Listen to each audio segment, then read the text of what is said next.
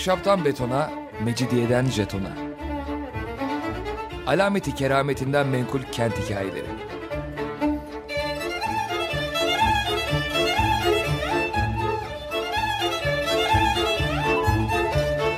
Hazırlayan ve sunan Pınar Erkan.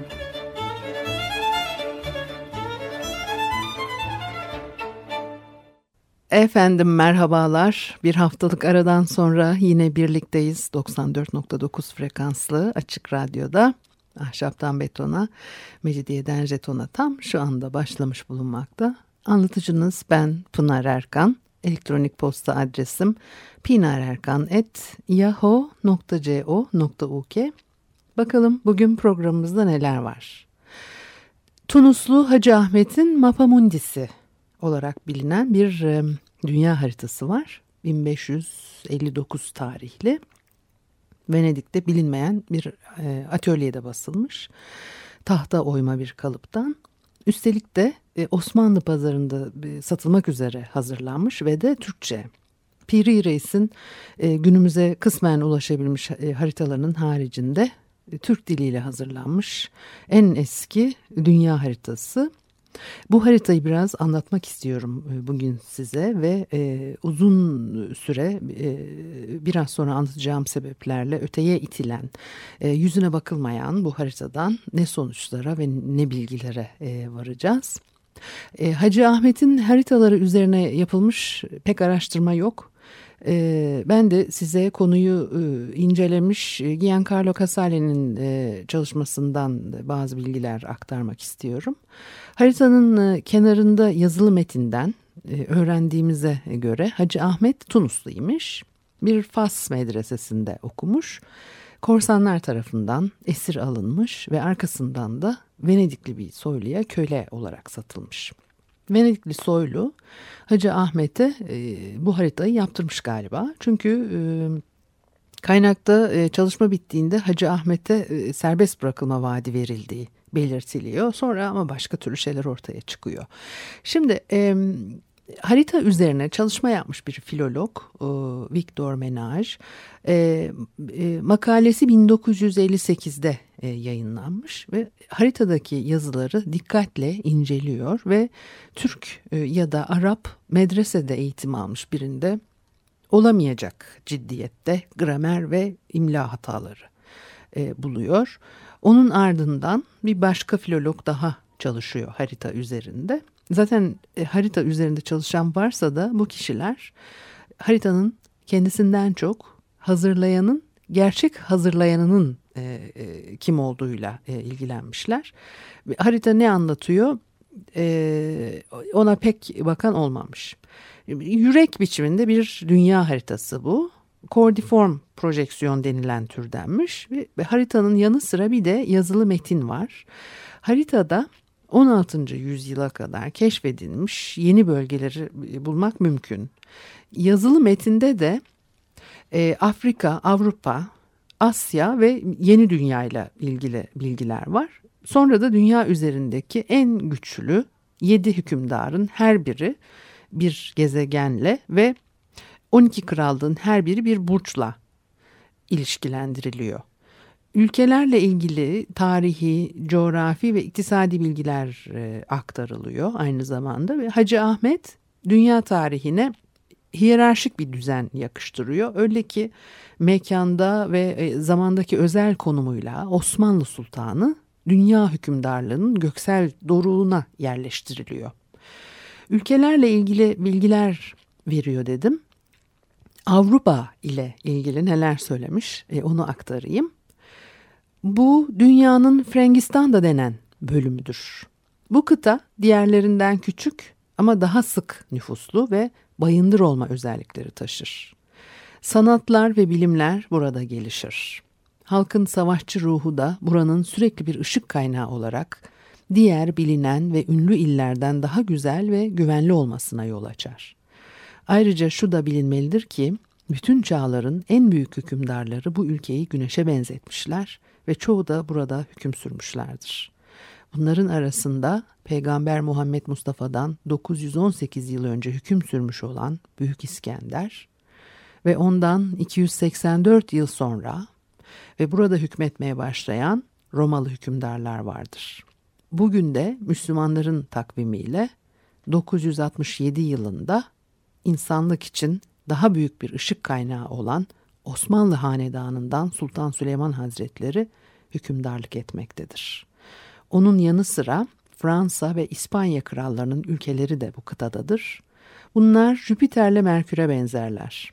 Ayrıca İtalya, Portekiz, Almanya ve Sarmatya ünlü görkemli ışığı da burayı parlatır. Bunlar aşağıda daha ayrıntılı olarak açıklanacaktır diyor. Şimdi bu e, e, tabi burada e, Sultan Süleyman Hazretleri'nin e, nasıl e, tarif edildiği e, kullanılan e, kelimeler çok önemli. Bundan sonra da gene bir burada bir bir bilgi aktarımında daha bulunacağım. Orada da yine e, ne söylediği, nasıl söylediği önemli. Burada e, Hacı Ahmet'in e, bir kere Avrupa terimini kullanması enteresan bulunuyor. Arap coğrafya e, geleneğinde kıtalardan ziyade dünyayı yedi iklime bölme eğilimi söz konusuydu ve bu yedi iklim bir arada e, yeryüzünün yaşanmaya elverişli sayılan bölümünü e, oluşturuyordu. Dünyanın e, kara olan dörtte bir kısmı Rubi Meskun e, Avrupa'nın e, güneşe benzetildiğini söylüyor filan. Şimdi e, enteresan ifadeler bunlar çünkü o devirde mesela Orta Çağ Arap coğrafyasında kıtanın doğrudan bir karşılığı yok. Fakat e, Hacı Ahmet metinde hisse sözcüğünü e, kullanmıştır. Ya hisse yıldızların ve gezegenlerin e, koordinatlarını, eliptik yörüngelerini anlatan bir terim. Arap astronomisinin temel teknik terimlerinden biri. Bir diğer e, alışılmadık konu Avrupa'yı tarihi ve siyasi açıdan da e, yüksek bir yer olarak e, tarif etmesi. Çünkü o yıllarda henüz böyle bir algı yoktu Avrupa ile ilgili ve Avrupa'nın kendisinde bile bir kere dünyayı e, kıtalar var diye kıtalara göre tarif etmek öyle tam da yaygınlaşmış bir yaklaşım değil. Aydınlar arasında e, yerleşmeye başlamış bir şey. Tam da işte Hacı Ahmet'in e, bu haritayı çalıştığı yıllarda e, 16. yüzyılın ortalarında az sayıda Avrupalı aydın Hristiyanlıktan ayrı bir kimlikle somut bir siyasal ve kültürel alan olarak e, Avrupa fikri gelişmeye başlıyor. E, daha Avrupa bugün kabul ettiğimiz haliyle e, kendi kimliğini netleştirmemiş hatta e, oluşturmamışken e, Hacı Ahmet işte Avrupa budur e, diyerek tarifini yapıyor. Enteresan e, gerçekten. O devirde e, Hristiyanlık çok önemli bir, bir e, tanımlama kriteriydi. Fakat e, Hacı Ahmet e, Hristiyanlığa da hiçbir referans vermiyor metninde. Siyaseti vurguladığını görüyoruz bunun yerine. E, Avrupa'nın büyüklüğü Büyük İskender ve Roma İmparatorluğu'nun doğum yeri olmasından kaynaklanır diyor. Bölge böyle önemli bir tarihi role sahiptir e, diyor. Sadece o da değil o devirde Avrupa'yı birleştiren hemen hemen tek kimlik olarak e, Hristiyanlığa hiç e, referans vermemesi ve Osmanlı Sultanı Süleyman'ı büyük bir Avrupalı hükümdar olarak e, tanımlaması. Şöyle söylüyor metinde. Nevabı Celalet Meabı Azamet Nişab Hazreti Ali Osman ki Sultan Azam'dır, güneşe benzetildi. O ilkin ve en çok Avrupa'ya ışık tutar ama görkemin ışıklarının gücü Asya ve Afrika ülkelerinin üzerinde parlar. Diğer hükümdarlarsa ne parlaklıkları ne de büyüklükleri bakımından yıldızlarla karşılaştırılabilirler. Çünkü onun ışığı yanında sönük kalırlar. Bu asil soy yiğitliği ve cesaretiyle her zaman muzafferdir. Anadolu, Karaman, Diyarbakır, Erzurum, Bağdat, Şam, Arabistan, Mısır'ın tamamı, Balkanlar ve Macaristan illerini yönetmektedir. Sınırlarını Almanya'ya kadar geniş, genişletmiştir. Ee, sonra burada Osmanlı'nın daha nerelere nerelere e, vardığını, topraklarının e, sınırlarını aktarıyor. Kısacası Osmanlı Hanedanı'nın görkemi, gücü ve büyüklüğü ölçülemez. Gerek Müslüman gerek Hristiyan sayısız bey ona çoktandır haraç ödüyor. Ve şimdi de bu ışıklı hanedandan hükümdarlığın kanıtı olan Sultanlar Sultanı, çağın en büyüğü, çift boynuzlu Zülkarneyn İskender'e benzeyen Sultan Süleyman Han, doğudan Arabistan'a her yeri cesaret, güç, görkem, bilgelik, adalet ve şefkatle yönetmektedir. Onun görkemi kalemle anlatılamaz diyor. Burada Sultan Süleyman'ın e, fethettiği yerleri sıralamasının sebebi var e, elbette. E, bazı yerleri atladım okurken uzatmayayım diye fakat e, Osmanlı Sultanı'nın Büyük İskender'in halefe olduğunu anlatmaya çalışıyor. Avrupa ötesinde fethedilen topraklar Büyük İskender'inkiler kadar genişti demek istiyor.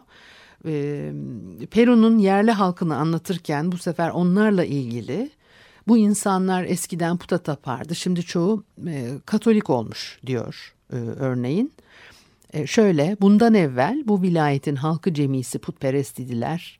Lakin İspanyol taifesi bu vilayetleri fetheyledikten sonra ehlisi ekseri Frank mezhebine dönmüş.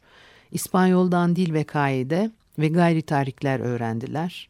Nice ki Anadolu'nun ve Karaman'ın halkı dahi Türk taifesinden dil ve kaide öğrendiler diye e, devam ediyor.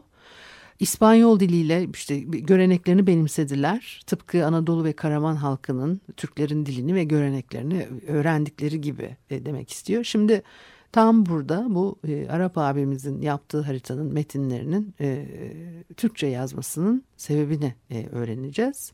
Anadolu'daki Helen Ortodoks hegemonyasının ortadan kalkışının e, Asya'daki e, Avrupalı yayılımının bir e, belirtisi İskender'in fetihlerinin ve ardından Doğu'nun Helenleştirilmesinin modern kılıkta e, tekrarı olduğunu e, söylüyor. Hacı Ahmet'in metnini sözde kendi ana dili olan Arapça yerine Türkçe yazmasının sebebi olarak gösterdiği şey de budur. Kendi deyişiyle Efendimin buyruğuna uyarak bu çeviriyi elimden geldiğince Türkçe olarak yazdım. Çünkü dünyayı yöneten dil bu dildir diyor. Kasale'den doğrudan aktardım.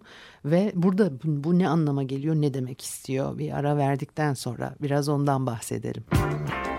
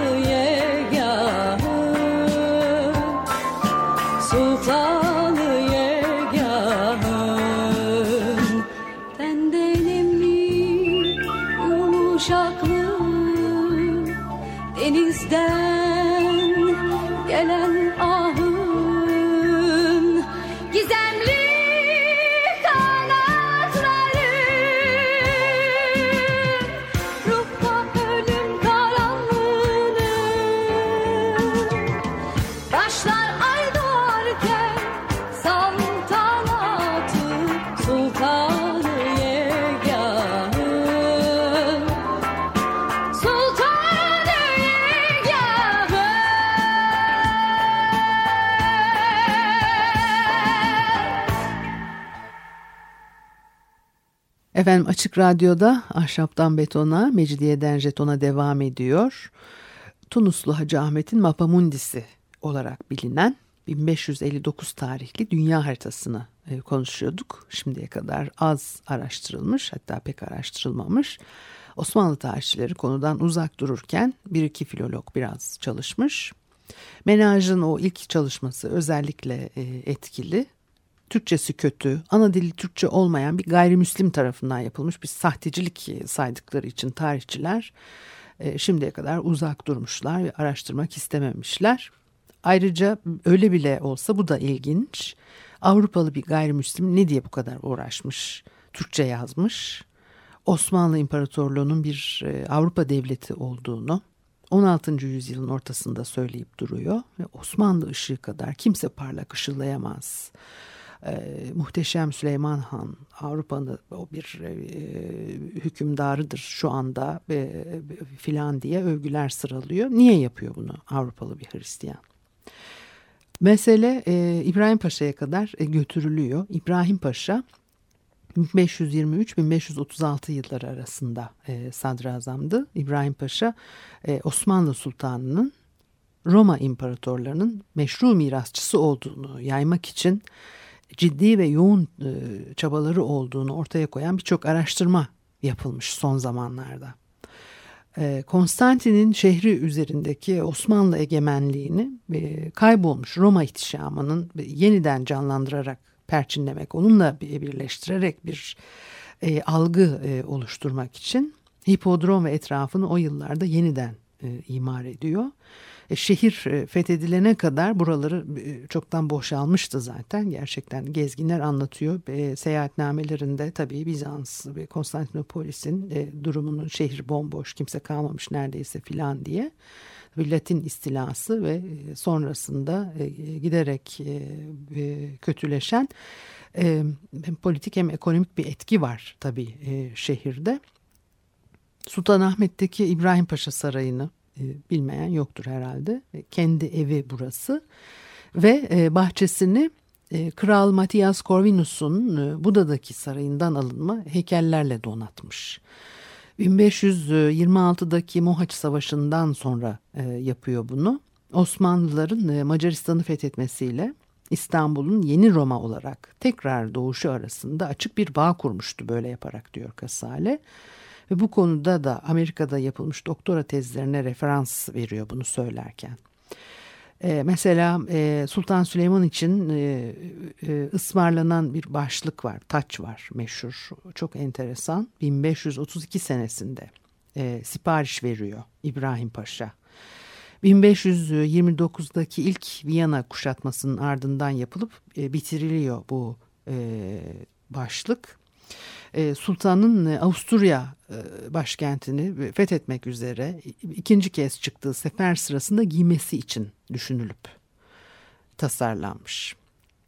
Habsburg hanedanının kutsal Roma imparatorları olmak için taşıdığı iddiayı çürütecek. Sonra İtalya'nın ele geçirilmesi için ortam hazırlanacak. Roma'daki papa boyun eğdirilecek. En sonunda da tüm Hristiyan Avrupa sultanın egemenliği altında birleştirilecek. Amaç bu. E, bu amaca uygun olarak da e, sipariş verilen e, taç Roma papasının tiarasıyla birleşmiş yeni simgesel bir tasarım olarak e, çıkıyor karşımıza. Her biri dünyanın dört bir köşesinin ya da dört kıtanın egemenliğini temsil eden dört ayrı emperya tacın son derece şatafatlı, mücevher kakmalı bir e, birleşimi. Gülru Necipoğlu'nun yorumudur bu. Tacın fotoğrafını Twitter'dan paylaşabilirsem sizinle kendiniz için de e, görebilirsiniz. E, çok enteresan. Veneziano'nun yaptığı Muhteşem Süleyman'ın hak edilmiş. Yani e, kazınmış bir portresidir bu. Bir Roma papasının tiarası biçiminde iç içe geçirilmiş dört taç padişahın dört kıta üstündeki dünyevi hükümranlığını temsil ediyor. Harita gibi bu taç da Venedik el işçiliğinin en incelikli tekniklerini kullanan e, Venedikli sanatçılar tarafından yine bir Venedik atölyesinde hazırlanmıştır. Yine harita gibi taç da hiç tereddüte yer bırakmayacak şekilde Osmanlı olan evrensel bir egemenlik savını geliştirmek için sarıklar ve iklimler yerine tiaralar ve kıtalarla görsel ve simgesel bir Avrupa dili e, kullanıyor. Harita gibi taç da Osmanlı İmparatorluğu'nun e, kültürel, siyasal yaşamıyla ilgili olmayan bir nesne olarak kenara itilmiş görülüyor ve onun da üzerinde çok fazla e, durulmamış. E, Hacı Ahmet'in aslında e, Venedik'te yayımcılarla gerekli ilişkileri olan Venedikli bir tercüman olduğu öne sürülür. Hani dedim ya bu adam aslında böyle bu kadar bozuk Türkçe konuşuyor. Yazılı metin içerisinde tabii ben size aktarırken onu Türkçeden Türkçe'ye çevrilmiş tabii ki e, halini aktardım. E, bir cümle e, sadece bir yerde e, okudum size e, haritanın kenarında geçtiği gibi. Yani oradaki işte o imla ve kullanılan kelimeler, terkipler filan e, medresede okumuş, ana dili Türkçe veya Arapça olan birisinin yapmayacağı hatalarla dolu. Dolayısıyla bu metni muhtemelen gayrimüslim birisi yazmış. Gerçekten işte Müslüman değil ve dolayısıyla e, sahte. E, onun için de hani e, çok araştırmaya e, kayda değer bulunmuyor filan veya bir çekince yaratıyor o anlamda. Şimdi bütün o e, ama birileri de peşine düşmüş. Nedir? Nereden kaynaklanıyor? Ve benim de hani aynı soruyu yönelttiğim gibi e, bir gayrimüslimse bile veya bir Venedikli ise bile niye bu bu kadar bunun peşine düşüyor, bununla uğraşıyor? Şimdi yani işte Venedik'te tabii o dönem içerisinde ticari ilişkiler var e, Osmanlı ile Venedik arasında. E, yayınlar yapan insanlarla ilişkileri olan Venedikli bir tercüman e, ya Hacı Ahmet diye biri varsa bile haritayı gerçekten o yapmamış da imzasını kullandırmış deniyor.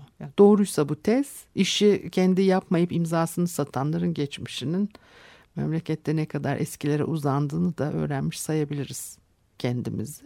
Haritayı yapanlar Osmanlı pazarında satış yapabilmek için yayın izni koparabilmek için bu yollara başvurmuşlardır deniyor. İşte bir hani Türk yaptı, Müslüman yaptı neyse denirse Böyle bir çalışma basım izni alınabilir ve e, satışı daha kolay olabilir gibi düşünceler.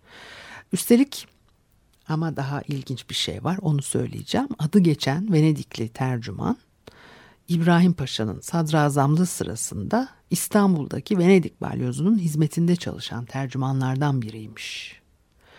Dedektiflik hikayesi gibi yani biraz daha zorlarsak akrabamız çıkacak adam. Böyle söylemem meseleyi hafife aldığımdan değil. Çünkü İbrahim Paşa biliyorsunuz Pargalı aslen. E, Süleyman'ın e, tacını birçok Osmanlı e, Venedikli aracıyı kullanarak sipariş ediyor. Sonuç olarak haritayı yaptırdığı öne sürülen Venedikli tercümanın bu tacın ısmarlanması için yapılan görüşmelerden haberdar olduğu ve hatta ısmarlanması sürecine de dahil olduğu neredeyse kesin gibidir deniyor kaynaklarda. Çok enteresan. Şimdi tabii e, ve o zaman başka bir yer bir şey ortaya çıkıyor. Başka bir yere gidiyor bu harita. Böyle bir haritanın sipariş edilmesi, e, yaptırılması arkasından tacın bu kadar görkemli ve sembolik anlamlar içeren tacın dört e, taç iç içe geçmiş tiarayla e, yarışıyor filan ve onu e, Avrupa'ya yapılacak olan seferde giysin diye planlamışlar bir e, sebebi var sipariş edilmesinin de. Dolayısıyla bunların hep birbirleriyle e, bağlantılı olduğu e, o dönem içerisinde e, güdülen bir takım işte politikalar e, karşımıza başka türlü bir resim koyuyor. Belki bununla ilgili bir program daha yaparız. Neymiş bu diye daha detayına girebilmek için ama bugünlük bu kadar yetmiş olsun. E, tabii merak edenler biraz daha kurcalayabilir konuyu. Son yıllarda yapılan araştırmalar hem e, yurt içinde hem yurt dışında e, bu yeni bakış açısıyla ortaya konan bilgileri karşımıza getiriyor. Evet bu haftalık da bu kadar olsun. Haftaya görüşene kadar hoşçakalınız.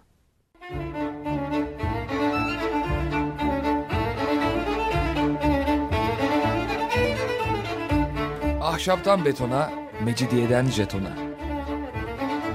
Alameti kerametinden menkul kent hikayeleri.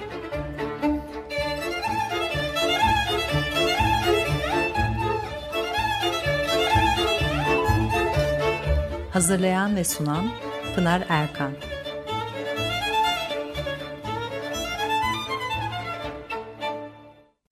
Açık Radyo program destekçisi olun.